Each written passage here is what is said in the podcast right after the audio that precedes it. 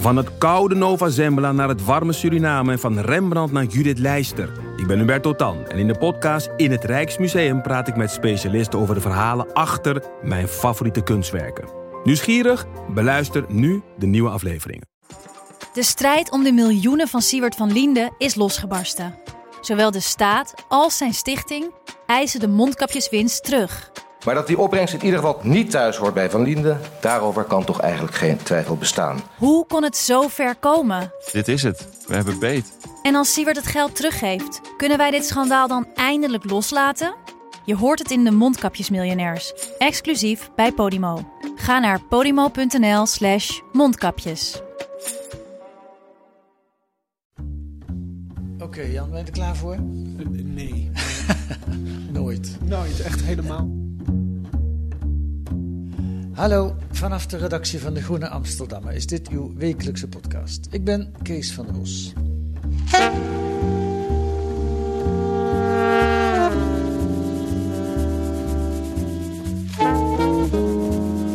Eh, Jan, laten we beginnen met een citaat. Lees eens voor. We leven met instituties en woorden die zijn geworteld in een wereld van informatieschaarste. Maar ergens in het recente verleden is die schaarste omgeslagen in overvloed. Het is van de weeromstuit onze aandacht geworden die schaars is. De machine die wij hebben gebouwd die zichzelf onder onze ogen verder en verder uitbouwt, biedt ons informatie in overvloed. Maar wat zij organiseert en kapitaliseert is onze aandacht. Zij boort nieuwe markten aan. Markten waar wordt gehandeld in ons wegcijpelende bewustzijn en het wegtikken van ons leven. Mooie zinnen die mij aan het denken zetten. En die komen uit het essay van deze week over de aandachtseconomie van eh, jou, Jan Postma. Welkom in de podcast. Jan. Dankjewel. Fijn om hier te zijn. Ehm, meen je dat? Ja, Eh, ja ik, vind, ik vind het ook altijd wat moeilijk om eh, over dingen die ik heb geschreven te praten. Dus Ja. ik vind het ook spannend. Ja. Nou, laten we beginnen bij die zinnen. Dat is ook veilig, dat heb je geschreven. Ehm, eh, wat ik er mooi aan vond. Nou, eh, laat ik eerst vragen: de machine die we hebben geschapen, wat is dat? Wat bedoel je met de machine? Ehm, ja, dat is een, dat, dat, die machine is een beetje een metafoor die door het stuk heen eh, bestaat. Het, is een, het is een heel lang essay met allerlei, allerlei zijpaden.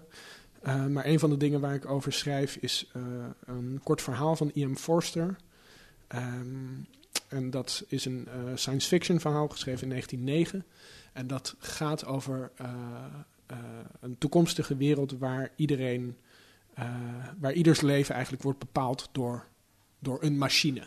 Die machine wordt nooit helemaal gespecificeerd.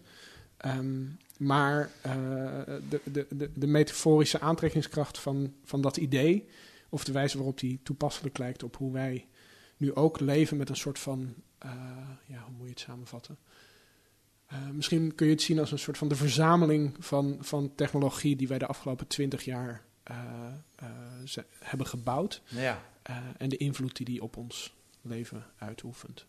En, en, ja, oké. en wat, zich, wat culmineert in dat ding wat hier voor mijn neus ligt, een smartphone. Ja, je, het, het, het gaat me niet per se om de telefoon, maar de telefoon is wel een soort van het, het, het ultieme voorbeeld van, van een prachtig glanzend zwart apparaatje wat alles kan. Eh, Ja. Toegangspoort tot de hele wereld. en wat, eh, maar ook eh, wat ons leven zo sterk eh, beïnvloedt dat we er volgens mij nog maar half, eh, dat we nog maar half begrijpen hoe, hoe groot die, eh, eh, hoe groot die invloed eigenlijk is en wat voor gevolgen die heeft. Nou, daar gaan we het over hebben. En dan, en dan met name ook ben ik benieuwd naar de invloed van die telefoon op jouw leven. ik zie hier op de voorkant van de groene een, eh, een man die sprekend op jou lijkt met een, kindje in een draagzak, maar hij kijkt niet naar dat kindje, hij kijkt naar de mobiele telefoon Ja, die eh, hij ook in zijn hand heeft. Is dat eh, een beetje conform de praktijk? Of, eh? dat, is, eh, dat is zeker conform de praktijk. Ehm, eh, ik heb een baby van vijf maanden. Ehm, Ja. En eh, die draagzak die komt voor in het verhaal. ja. En die Ik zou denken dat de man niet sprekend op mij lijkt, maar dat, eh, dat Dat is misschien. persoonlijk. Ja. Eh, ik denk ook objectief niet. Ehm, eh, maar het is natuurlijk wel zo dat, dat, eh, dat dit stuk ergens voortkwam uit een soort van eh, heel diep geworteld gevoel dat dat, er, dat ik soms geconfronteerd werd met mijn eigen gedrag. En dat het gewoon heel vreemd is om, ehm, eh, om met je kinderen in de weer te zijn. En dan ondertussen eigenlijk zin te, zin te hebben om iets heel doms op je telefoon te doen. Ja. En dat die aantrekkingskracht van dat apparaat of, eh, of van de programma's die daarop staan zo groot is dat ze eigenlijk een soort van. eh, je weten te verleiden dingen te willen die je misschien eigenlijk op een ander niveau helemaal niet wilt. Ja. Voordat we daaraan toe komen, even jouw situatie schetsen. Eh, jij bent Jan Postma, lid van de redactie van De Groene sinds hoe lang? 2015. Vijf jaar. Ja. Je hebt, eh, behalve die baby van vijf maanden, heb je nog een heel klein kindje van twee Ja, jaar. een dochter van inmiddels drie. Inmiddels drie. Even een paar, twee maanden geleden geschreven. Het mag een wonder heten dat jij überhaupt nog tijd hebt om op je mobiele telefoon Dat te is, eh, kijken. dat is inderdaad een wonder. Ja. Ehm, en jij bent, eh, hoe oud ben je? Dat vraag me. eh, 35. 35. En je hebt, eh, eh, ben je ook pas vijf jaar journalist? Was je voordat je bij De Groene kwam ook al Dat is één groot zwart gat voor de. Nee, ja, ik heb een tijd voor de Groene gefreelanced. Ehm, ik ben een tijd hoofdredacteur geweest van een internettijdschrift. En ik heb journalistiek gestudeerd aan de Erasmus Universiteit. Dus ik was wel al een tijdje. Ik geloof dat ik deze maand, nee, vorige maand, tien jaar geleden, mijn eerste stuk voor de Groene heb geschreven. En journalist worden is wel altijd jouw droom geweest? Of Eh, dat dacht ik wel totdat ik journalist werd en stage ging lopen bij de NRC. En daar allemaal hele leuke mensen ontmoette, maar ook erachter kwam dat ik eigenlijk veel minder nieuwsgierig was dan dat ik dacht dat ik was. Ehm, dus ik, ik, ik ben wel heel nieuwsgierig, maar naar veel minder dingen. dus eh, dus ik, ik, ik, ik heb ook altijd een beetje moeite om mezelf als journalist te, eh, te omschrijven. ja, Eh, dus ik, ik schrijf meer essays en kunstkritiek eigenlijk voor de groene. ja, je bent niet zo de klassieke journalist gericht op het nieuws wat er allemaal gebeurt. Je bent ook niet de klassieke onderzoeksjournalist die gericht is op het naar boven halen van schandalen. Nee, ik ben nee. Wat ben je wel? Een essayist die kijkt naar trends. In, in het diepst van mijn, van mijn wezen ben ik dat, denk ik. Ja. Ehm, Beetje filosofisch aangelegd. eh, Heb je ook dat- gestudeerd volgens mij of niet? ik heb eh politicologie gestudeerd. Oké. Ehm, een soort filosofie light, Mhm. eh, denk ik. Ehm, nee, wat, wat, ging, wat ging ik Nou, zeggen? Mijn, jouw, jouw, jij, jouw soort journalist wat jij bent. Eigenlijk ben ik, ik denk dat, nou, ik schrijf vooral over, over kunst en literatuur voor de Groene, maar ehm, misschien is de vraag die daar altijd een beetje onder ligt, of in ieder geval in dit soort stukken er wat meer uitkomt, eh, de vraag, en dat is niet een harde journalistieke vraag, maar ik ben altijd wel nieuwsgierig hoe het voelt om nu te leven. Ik ben even stil. Wat is Ja, dat? Wat Ik, kan het niet helemaal, niet helemaal verwoorden, maar is, ehm, eh, ik, ik denk dat ik daar altijd gewoon, dat ik gewoon een beetje, dat mijn nieuwsgierigheid vooral eh, gericht is op eh, hoe de wereld, er- nou goed, hoe, hoe ik de wereld ervaar. En dan niet omdat ik zo nieuwsgierig ben naar mezelf, maar gewoon omdat ik denk dat. ehm, ik heb het ergens een keer.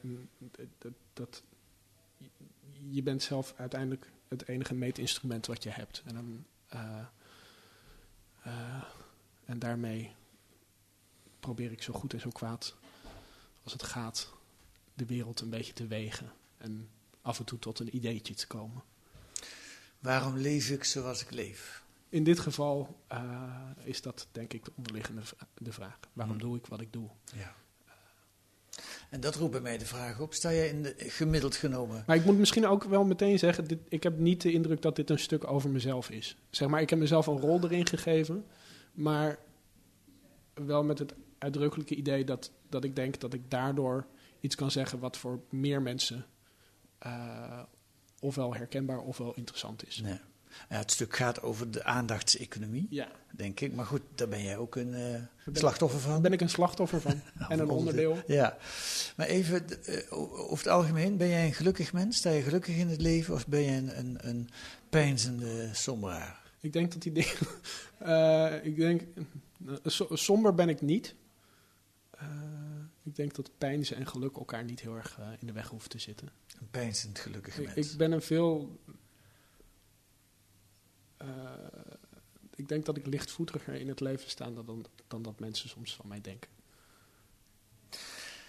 Oké, nou dat gezegd hebbende eh, wil ik nu toch gaan naar, naar jou en je smartphone. Wan- wanneer kreeg jij je eerste smartphone? Eh, jeetje. Dat kan ik niet terug. Ik heb echt dit, dit soort dingen. Dan denk ik, nou, ik kan zeggen tien jaar geleden. Maar Ja. ik heb geen idee of. Ja, tien jaar geleden waren Je hebt geen daar- Nee, ik heb alleen herinneringen aan mijn eerste mobiele telefoon. Hoe, Ja. dat, dat is wel een soort van concreet moment geweest toen ik 13 was, denk ik, of zo. Dat ik zo'n openklapbare Ja. eh, eh, blauwe Ericsson kreeg met een, eh, met een één regel. een, een, een display van één regel, waar Ja. je dan in, in kapitale sms'jes mee kon versturen en dat soort dingen. ja. Daar heb ik wel een herinnering aan. Maar de eerste smartphone, daar was ik volgens mij best laat mee. Mensen om me heen hadden zo'n ding al. En toen, ja, toen ik een keer een abonnement kon vernieuwen of zo, heb ik dan ook zo'n zo'n ding genomen. Maar ik was er niet meteen heel erg mee bezig. Nee, nee, je hebt niet een gouden moment van wat een wonderlijke wereld. Gaat er nu voor me open. Nee, Ja. ik, ik, ik denk, ja, het was natuurlijk wel een soort van. Ik, ik was me wel bewust van eh, het feit dat er iets bijzonders gebeurde toen, toen die sprong van een soort van de, de normale mobiele telefoon naar, naar de smartphone. Die een soort van opeens echt een, echt een computer met allerlei functies werd en programma's. Ehm, maar ik was er niet. Ik had niet zoiets van: ik moet daar als eerste bij zijn of zo. Ik heb zo'n ding nodig. Nee, nee, dat ook weer niet. Nee. En nu? Ehm, Nu ben ik ermee vergroeid. ja, Echt. dat hoor ik ook van anderen. Verslaafd? Of is dat een vervelend woord? Ehm, het heeft, je- de, de- tuurlijk heeft het kenmerken van wat we verslaving noemen, maar dat is niet hoe ik het, eh, eh, dat is niet hoe ik het ervaar of zou, zou willen omschrijven. Ik denk wel dat ik er te vergroeid mee ben. En dat er te veel momenten zijn waarop ik het gebruik voor dingen die ik misschien niet zou willen doen. Eh, of dingen waar ik niet over nadenk. Een soort van vol automatisch op je telefoon zitten en een soort van door Twitter scrollen. Ik bedoel, ja, daar beleef ik plezier aan, maar het is het kleinst mogelijke plezier, zeg maar. ja, je bent ook een verwoed eh, twitteraar. Een Eh, dwangmatig twitteraar. Nee, Ja, ja soms, soms. ja? Wat Ja. is dat, een dwangmatig twitteraar? Eh, nou, dat, dat ik soms bang ben dat mijn gedachten de vorm van 280 tekens beginnen aan te nemen. En dat dat gewoon, ja, dat is natuurlijk niet. Eh, dat is heel goed als je wilt twitteren. Ja, Maar zeg maar, als je ook nog andere ambities in het leven hebt, is dat, is, is dat heel vervelend. Ja. Want 280 tekens is gewoon best wel beperkt als je iets intelligents wil proberen te denken over iets. ja dit essay is iets langer dan 280. Ja, maar je eh. kan hem misschien wel opknippen knippen in zinnen en alinea's van die, die net aforistisch Ja. genoeg zijn. En, eh, nee, dus dat, ja, ik weet niet, dat, dat is een soort van eeuwige strijd in mijn hoofd tussen. Maar je zei net, ik ben vergroeid met die telefoon. Probeer ons eens eh, mee te nemen. Beschrijf eens, wat, waarom ben jij vergroeid met je telefoon? Wat, wat houdt dat in? Wat betekent dat? Ehm, het betekent dat ik. Dat ik. eh, nou, bijvoorbeeld, eh, ik- ik schreef dit stuk. Nou, ik denk een, eh, maand of twee geleden. Het was net. We zaten nog iets meer in de, eh, in de lockdown-fase van de. eh, sorry, ik weiger dat, dat intelligent ervoor te plakken, want daar kan ik echt absoluut niet tegen. Ehm, eh, van deze crisis. En. toen was er ergens nog wat eerder was er een moment waarop ik opeens werd geconfronteerd met dat ik volgens mijn telefoon tien uur naar het scherm had gekeken Op één dag. op één dag.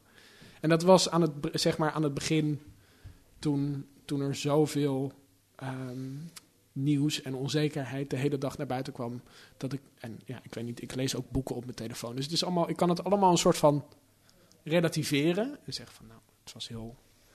Het, was gewoon een week waarin, het, eh, waarin ik de hele dag bezig was met nieuws en artikelen consumeren.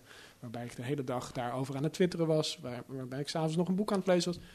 Maar ja, als je dan uiteindelijk moet concluderen dat je daar tien uur op één dag met dat apparaat in je hand hebt gezeten. Ja. Dat is gewoon niet recht te lullen. Dat is gewoon, dat is gewoon zonde van je leven. Denk je? Ja, ik bedoel, ik krijg er echt heel veel voor terug. Maar Ja. het is, zeg maar... Als je gaat vragen hoe, hoe, hoe ziet je leven er ideaal, idealiter uit? Wat zou je het liefste doen? Hoe, welke ambities heb je? Wat vind je belangrijk? Dan denk ik dat dat, dat apparaat een veel kleinere rol zou spelen. Als ik, die, als, ik die, als ik dat vol rationeel zou kunnen bepalen. Ja. Maar dat is niet zo. Ja, daar zit iets geks. Hè? De, de- de- een boswandeling van vier uur, als die op je scherm had gestaan, dan was je daar meteen tevreden over geweest, Ja. denk ik. Ja, En als er staat tien uur schermtijd, dan denk je, ben ik toch een half Ja. jaar dat ik tien uur naar het scherm heb zitten kijken. Maar je doet het wel. ja. En, en, ja niet iedere dag hoor. Maar Nee. zeg maar, maar de- dat, je, het- dat je het een keer gedaan je doet het vaak. ja, En nou is de grote vraag, dat is volgens mij het verschil tussen verslaafd en vergroeid. Wie is de baas? Jan Posma of die telefoon? Heb je, heb je het gevoel dat jij het nog... eh, dat jij de Ja, baas ik bedoel, bent? het is niet, ik, ik heb niet het gevoel dat ik, dat ik in therapie moet. Ik heb alleen zeg maar, het gevoel dat ik een vrij extreem voorbeeld ben van, van, van een soort van moderne conditie. Waarin een heel groot deel van, van onze consumptie en ons eh, entertainment en informatievoorziening allemaal met dat ene ding samenhangt. Ja. En dan ook nog een ding wat, ehm, en daar gaat het stuk een beetje over. Eh, zeg maar, wat, wat mij al die dingen biedt, maar uiteindelijk ook ontworpen is om andere dingen te doen. Namelijk om al die data aan mij te onttrekken en om mij Hmm. eh, die dingen te bieden tegen een, tegen een bepaalde vergoeding of dingen mij voor te schotelen die, die ik misschien zelf helemaal niet zou willen, maar die ik alleen maar consumeer omdat ze me aangedragen, omdat ze aangedragen worden Ja, via dat ding. ja, dus het is zeg maar, ja. Een deel van het probleem is dat, dat die eh, Facebook en, en Google en al die eh, grote techbedrijven zo slim zijn dat ze weten wat Jan Posma interessant vindt en daardoor jou heel specifiek bombarderen met berichten die jou lokken naar het scherm en om, om op dat scherm te blijven. Dat, dat bedoel je. Ja, of met dingen die. Nou ja, dat, dat, dat, zou nog, dat zou nog heel mooi zijn als dat het alleen was. Zeg maar als ze alleen maar dingen boden die, mij, die ik interessant vond. Dat is wel hun belang, Of want ze willen jou erop houden. Ja, ja, maar er zijn heel veel meer manieren om mij daarop te houden. Je kan ook eh, bijvoorbeeld inzetten op, eh, op andere emoties dan interesse. Eh, en dat is denk ik wat er, wat zeg maar, wat, de- wat de frustratie natuurlijk ook veroorzaakt. Maar- Ik zit natuurlijk ook best vaak te kijken naar dingen die me boos maken. ja. Zeg maar Facebook en Twitter. Ik heb geen Facebook meer, maar op Twitter zie ik gewoon, ik zie gewoon hoe het algoritme werkt. Ehm, ik zie de berichten van de mensen die ik interessant vind en die volg ik. Maar als ik niet op een knop zet dat ik berichten van anderen die ik niet volg absoluut niet wil krijgen, dan zie ik de hele dag berichten opgelepeld worden van mensen die ik verschrikkelijk vind. Ja. Die dingen zeggen waar ik heel boos van word. ja, en dat is ook lekker. Lekker Nee, heel dat, boos ja, dat is, nee, dat is niet lekker. Dat is, zeg maar... Ik bedoel, daar reageer je wel op. Ja. Maar het is natuurlijk niet... Niet leuk. Het is niet... Weet je, het is... Als dat, zeg maar, je kan... eh, als, je kan dat, ook dat natuurlijk met mate doen en er plezier aan beleven. En een bericht zien van die of die en dat doorsturen naar iemand anders en zeggen: God, wat is dit toch een eikel? En dan zeg maar daar een soort van eh, iets anders uithalen, namelijk dat je met, met vrienden ergens om kunt lachen. Of je, Ja. je frustratie over de wereld kunt delen. Ja. Maar als, je, als, als dat hetgene is wat je verslaafd maakt aan het apparaat. Zeg maar niet helemaal bewust, maar als dat een belangrijke rol erin speelt, dan een soort van de wereld die tot je komt. Dat je tegen jezelf blijft vertellen: Ik ben hier omdat ik allemaal interessante dingen te zien krijg. Want die krijg je ook te zien. Maar wat nou als je er ook bent omdat je de hele dag boos gemaakt wordt? Omdat de hele dag je verontwaardiging gekieteld wordt. En je ziet de hele dag mensen die zulke domme dingen zeggen, zulke kwaadaardige dingen, zulke gemene dingen. Dat je de hele dag bezig bent met je opwinden over hoe slecht de wereld wel niet is. Klopt het ook dat je dat opwinden op Twitter veel vaker en veel gemakkelijker doet dan hier in het, in het dagelijks Ikzelf? leven? Ja, Eh, want ik, ik heb het zelf van jouw tweets achter elkaar gekeken en dan krijg je, krijg je toch een beetje een andere Jan Postma te zien. is dat zo? Ja, Ja. Nee, maar ik ben dus. eh, dat, maar dat, dat, ik weet dat dat niet altijd dat dat niet bij iedereen overkomt. Maar ik ben wel altijd vrolijk als ik twitter. Ik Ja. ben, zeg maar, ook heel scherp, ja, en ik kan En, best gemeen zijn en best hard. hard. Ehm, maar En, het is eh, wel... ik- ehm, In de redactievergadering van De Groene ben je nooit hard, heb ik me laten vertellen. nee. Nee, Nee. natuurlijk niet. Nee. Weet je wat een leuke mensen hier werken? Nee, maar is het een soort alter ego die je daar kunt uitspelen? Of is het toeval? Dat, of heb je, gaat dat niet bewust? Ehm,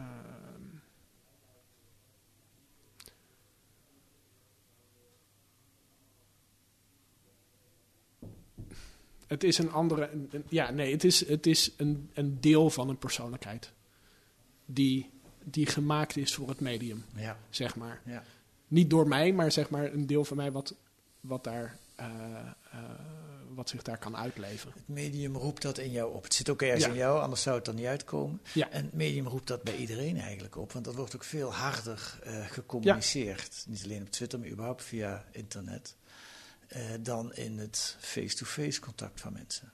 Ja, maar in het dagelijks leven word ik dan ook, probeer ik hele vervelende mensen dan ook te mijden. Anders zou ik misschien ook al de hele dag ruzie hebben met alles en iedereen. Ja. Ik denk het niet. Nee, ik heb niet zo heel snel ruzie. Maar ik heb, ik heb op Twitter ook niet zo heel snel ruzie hoor. Nee, dat, is dat heb ik ook niet gezien. Maar je bent wel, ja, een, een- een- hoe zeg je dat? Een scherpe persoonlijkheid. Eh, eh, je moet, moet vaak om je lachen. Eh, maar je bent ook, ook Soms ook een beetje gênant om te zien natuurlijk. Nou, niet direct. Maar, Nee, nee, oké. eh, nee, maar gewoon een, een, een hardere persoonlijkheid dan hier nu tegenover mij zit. Ja, dat- ja, ik weet niet waar dat aan ligt. Ik ben, eh, want ik ben wel, ik zit, zeg maar, zoals ik nu met een soort van mijn gezicht in een grijns getrokken zit te praten. Dat, dat is wel hoe ik ook ben als ik Als je, harde, je grap, harde, flauwe maakt. grapjes Ja. maak op Twitter. Eh, nou, misschien zit ik thuis niet heel hard te lachen op mezelf, maar dat, eh Mm. nou, laten we dat Terug naar die, eh, naar, naar die tien uur en naar jou en je telefoon. Ja. Ehm, nou, laat ik het eh, eens anders proberen. Je hebt twee kinderen, een eh, jongen en een meisje, of twee, Twee meisjes. twee meisjes. Die zijn nu nog drie en een half, dus die hebben nog niet echt een eigen mobiele telefoon. Heb je er al over nagedacht? Wanneer gaan ze hun eerste smartphone krijgen? Ja, ik heb daar natuurlijk. Nee, ik heb daar. Ja, ik heb daarover nagedacht. Maar dan in de zin dat je erover nadenkt en, en het tegelijk negeert. Dat je zeg maar er niet over wil. Dat je denkt, ik moet daarover nadenken. Maar je, dat je eigenlijk denkt, ik wil er niet over nadenken. Want het is moeilijk. Eh, ja, want het, het is. Ja, dan moet ik er toch over nadenken. Ja, nee, dat. eh, dit is heel gemeen, Kees. Ehm, eh, Ja, maar je komt dat straks ook tegen. ik kom dat natuurlijk tegen, maar het is, er, het is er nu nog niet. Nee. Eh, zeg maar de, de vorm die dat probleem nu aanneemt, is dat ik ehm, me afvraag in hoeverre ik mijn telefoon zelf wil gebruiken in het bijzijn van mijn kinderen. Ja. En in hoeverre ik mijn kinderen voor Netflix wil zetten. Om, als ik even moet gaan Ja. koken of Ja. wat dan ook. Ehm, en dan, dan zie je bij de driejarigen zie je, zie je gewoon hoe het werkt. Eh, eh, je kunt ze voor eh, buurman en buurman zetten. Je bent ze kwijt, hè? En je bent ze kwijt. en, dan, en dan heb je ruzie als het een uur later uit moet, omdat Ja. het eten klaar is. Ja. Eh, dus het is best, het, het is een eh, beangstigend idee dat je op een gegeven moment een soort van, eh, waarschijnlijk, ja, hoe, hoe, hoe fantastisch je, je ze ook hoopt op te voeden, toch echt een strijd moet gaan gaat voeren over een soort van die dingen. En dat je dan, als je, eh, als je mij bent, geen poot hebt om op te staan, omdat totale hypocrisie is om je kinderen wat dan ook te verbieden als het op eh, dat soort dingen aankomt. ja. En het is toch, ja, als je, als je weet dat, eh, dat de mensen die die apparaten ontwerpen en die de software ervoor schrijven, eh, al jaren hun kinderen niet meer in de buurt van zo'n ding laten komen, omdat ze gewoon weten hoe, het, hoe vol verlokkingen het zit en hoe het je, hoe het je leven kan, kan beheersen. Is dat je, echt waar? Want dat ja, nee, dat, stond, dat is twee, mensen uit Silicon Valley. ja, het stond twee jaar geleden een heel mooi stuk in de New York Times over, over programmeurs in Silicon Valley die hun kinderen niet, niet in de buurt van een iPad laten komen. Zeg maar dat de trend daar, daar is eh, opvoeden zonder, zonder schermen als het even kan. Wat is beter. Oké, maar nu hier weer eh, Jan Posma en zijn twee kinderen. De- Jouw, jouw wat, sorry, twee dochters, hè, zei je. En straks is, eh, is de oudste 15. En die zit tien uur per dag op, eh, op eh, de telefoon. Mag dat dan? of ga je Als schermpolitie ze eh, spelen? 15 is. Ja, Ja, voorkomen is in dit, in dit geval denk ik beter dan genezen. Ik, eh, nee, maar Kees, nu, ja, wat, nu ga ik dan schermpolitie spelen? Ja. Ik heb echt geen idee wat voor vader van een 15-jarige dochter ik ga zijn. oké. Ehm, ik, eh, ik, ik, ik hoop alleen maar dat ik, eh, dat ik mijn kinderen kan opvoeden tot, eh, tot mensen die, die, die heel breed geïnteresseerd zijn. Ehm, en die een, soort, die een soort diepe aandacht voor dingen kunnen hebben. waarvan ongetwijfeld een groot deel zich via eh, mobiele apparaten zal, zal uiten. Maar misschien zijn er ook nog andere dingen. Ik, ik, Ik hoop alleen maar heel erg dat ik niet zo'n de jeugd van tegenwoordig ouder zal, zal zijn. zeg maar, het is gewoon, ja. Reken maar, dat Nou, ga je dingen- wel, ja, weet dat ga je wel mo- worden. Ja, maar je moet ook ergens gewoon kunnen denken dat de tijden, en men- tijden veranderen en, en mensen veranderen mee. En, Mhm. eh, en dan op hetzelfde moment moet je ook waar mogelijk, denk ik, tegengas geven en de alternatieven binnen bereik houden. En dat is een, ongetwijfeld een enorm ondankbare taak als je een dochter van 15 hebt die heel graag op de telefoon eh, hele domme dingen wil doen. Maar ja, Ja, wat als je een vader bent die op zijn telefoon hele domme dingen wil doen? ja, ja, dan sta je niet zo sterk. Nou ja, het is ook een beetje een trucje om dat zo te vragen, eerlijk gezegd. Laat ik het weer direct, direct aan jou vragen. Ehm, is, nou, nog- Zal ik dan eens proberen direct te antwoorden? Ja, nou nog één, één omweg. Zijn er mensen om jou heen, jouw vrouw, vriendin, Vriendin? is die eh, wel eens boos op jou? Leg, leg dat ding toch eens weg, eh, eh, Jan? Of- Ja, ja. Maar, de- ja, Nu zijn wij even... Ze heeft, er zelf ook ze heeft er zelf ook last van. Niet, niet in de mate waarin ik er last van heb. Dus. Nee, maar je krijgt soms wel te horen, weg ermee met dat ding. Of nu even Ja, niet. tuurlijk. Ja, tuurlijk. Ja, ik bedoel niet dat ze er iets over te zeggen heeft. Maar het, ik bedoel, het, ja, het is gewoon, als je een film zit... Ja, dit is op dit moment ook totaal hypothetisch. Want ik heb al een half jaar geen film meer samen gekeken. Maar stel, we zouden, we zouden vanavond een film zitten kijken... dan is de kans vrij groot dat ik ergens na 20 minuten... voor het eerst op mijn telefoon zit te kijken. En dan, Ja. en dan vindt zij dat minder vervelend dan wanneer, wanneer ik zie dat zij het doet. Dus ik ben ook nog veel erger in dat ik het vervelend vind als Ja? iemand... Ja, Want dan ben je even... ik zit vol slechte kanten. Ja, nee, dat is sowieso. Dat, dat, nou, mooi dat je dat ziet. Wie, wie niet, zou ik zeggen. Maar, maar eh, ehm, waarom is dat vervelend? Omdat ze weggaat dan uit het samen zijn. Dat is ja, waarschijnlijk wel. Ja. Dat je een soort van... en misschien heb ik de film dan ook aangezet, dus dan vind ik het... dan- Moet ze kijken. nou, als ik dan iets heb aangezet wat ze eigenlijk niet interessant vindt, dan vind ik dat ook... Dan vind ik dat natuurlijk jammer. Ja, Dus dan denk ik, dan moeten we misschien iets anders doen. ja, ja. Nu ga ik het direct vragen. Oké. Eh, je bent nu 35. Eh, je blijft de rest van je leven zoveel uur op de telefoon. Het wordt eigenlijk alleen maar meer. Het wordt alleen meer. maar erger. Ja, ga je dat, eh, eh, vind je dat prima? Kijk je daar naar uit?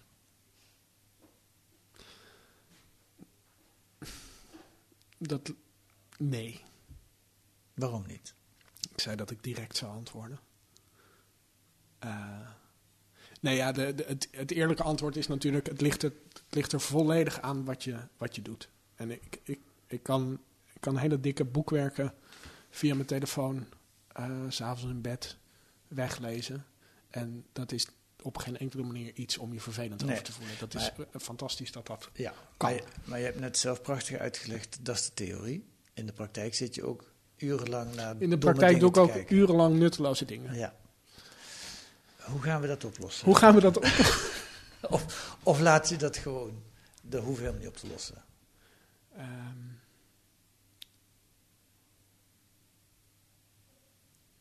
Jezus Kees, hoe gaan we dat oplossen? Kijk, er zijn, er zijn allerlei dingen te bedenken. Ehm, eh, maar dat zijn allemaal hele individuele oplossingen. Ik, kijk, ik kan mezelf ik kan alles op alles zetten en ik kan eh, mijn Twitter-account deleten, zoals ik dat met mijn Facebook-account heb gedaan.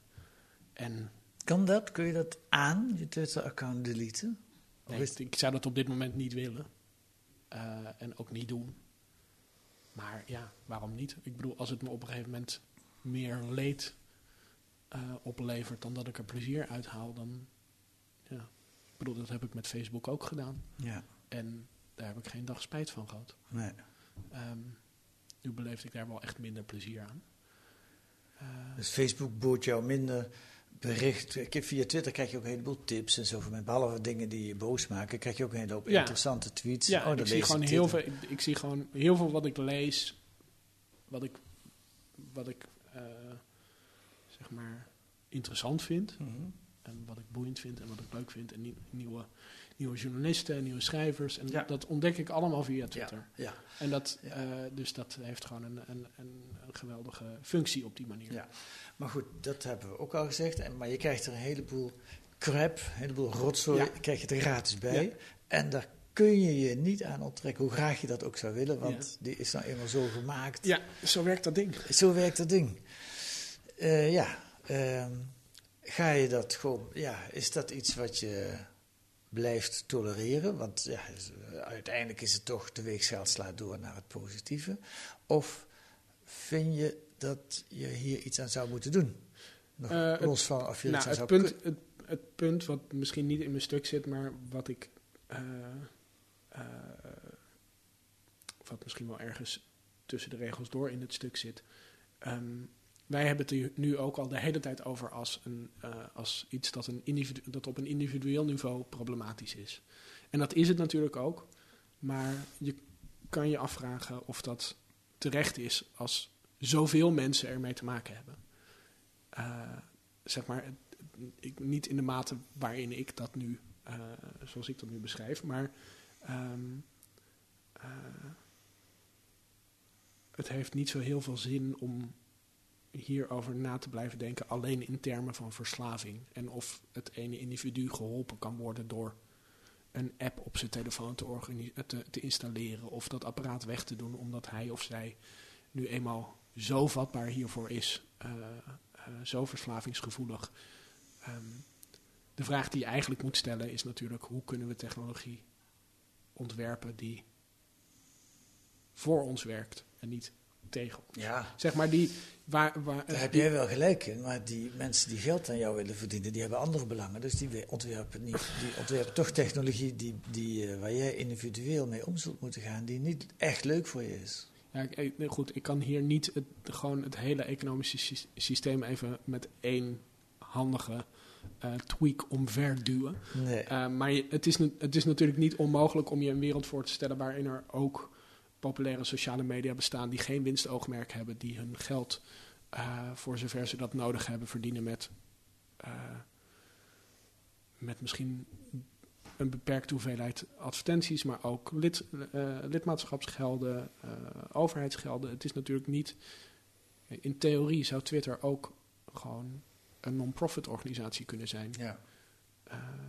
Maar ik, je hebt gelijk en ik, ik deel ook je maatschappelijke analyse. Maar er valt, maar, ja. valt me wel één ding aan op, is waar we het steeds niet over kunnen hebben, is jouw persoonlijke... Ja, je, je, je, je gaat naar uh, de aandachtseconomie, wat ook een groot probleem is. De technologie Daar vroeg die ontworpen is. Ja, ja. Maar nu, heel concreet. Uh, uh, ben je tevreden nu? De, we naderen het eind natuurlijk, van het gesprek. Ik ben, nee, ja, ik ben een, ik ben een, ja. Ja. Ja, natuurlijk. Ik bedoel, ik heb, ik heb de leukste, leukste baan op de wereld. Ik mag schrijven over wat me bezighoudt. Ja. Uh, ik, ik lees mijn ongeluk misschien niet zoveel als dat ik zou willen doen. Omdat, er, omdat ik ook de hele dag word lastiggevallen door mijn verslaving aan Twitter. En weet ik veel wat nog meer. Ja. Um, maar... Uh, en ik... En dat is niet een probleem wat ik daarmee wil bagatelliseren. Het is alleen dat... dat uh, ja, het zou wel heel erg zijn als ik ook echt een ongelukkig mens was. Dan, dan zou, zou ik zeggen, ja, dan is het wel tijd om op individueel niveau heel snel een oplossing te zoeken ja. voor dat probleem. Ja. Maar het probleem nee, dat, ik. duidelijk. Dus zeg maar, ik, daarom wil ik er ook over, over schrijven op een manier.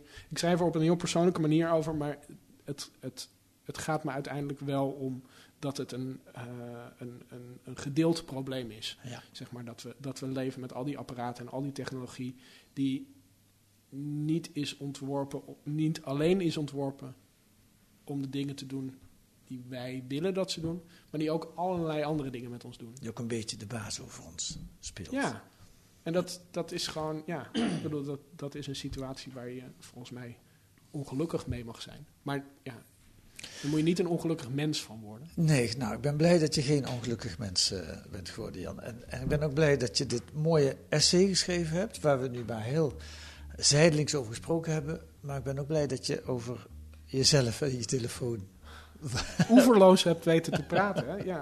Ik zag het niet zo makkelijk, eh, niet zo makkelijk voor me, dit gesprek. Lees dat allemaal in de Groene van deze week. Uh, eerst nog, uh, wat er nog meer staat in de Groene deze week. Een tweeluik over de mobiliteit na corona. Allereerst een achtergrondverhaal over de gevolgen van het leegstromen van het openbaar vervoer. Daar kan ik van getuigen. Ik zit, nou, het begint wel weer, weer een beetje vol te lopen in de trein naar Amsterdam, merkte ik vandaag. Maar goed, mensen stappen meer in de auto en dat hoeft niet per se een probleem te zijn, mits die auto wordt getemd en zich in de stad als gast gaat gedragen. Ook weer technologie die getemd moet worden. En een reportage uit Rotterdam, dat meer een fietsstad moet worden. Maar ja, de havenstad heeft... Verre Rotterdam, sorry Ja. Kees. Jouw geliefde Rotterdam. Eh, maar daar woon je niet meer, hè, Vel? Jawel. Oh, je woont er nog steeds, oké. Ehm, Sorry Kees. Ja, ik ben helemaal de kluts kwijt. Oh ja, dat kunt u lezen met een abonnement of een proefabonnement. Ga dan naar groene.nl. Daar leest u hoe u drie maanden de groene kunt krijgen voor 30 euro. Groene.nl. U kunt reageren op het podcast, nee, op het telefoongebruik van Jan Postma of andere zaken in podcast.groene.nl. U kunt hem ook tips geven als u dat wil. U kunt ons deze podcast ook sterren geven in uw podcast-app. U kunt zich abonneren. Nou, alles is mogelijk. Volgende week zijn wij er weer met analyses en achtergronden bij het nieuws in deze podcast van de Groene Amsterdammer, die deze week werd gemaakt door Anne da Silva. Spreek ik dat goed uit dan? En Kees van der Bos. En de muziek is de tune voor en van Paul van Geem. Thank you.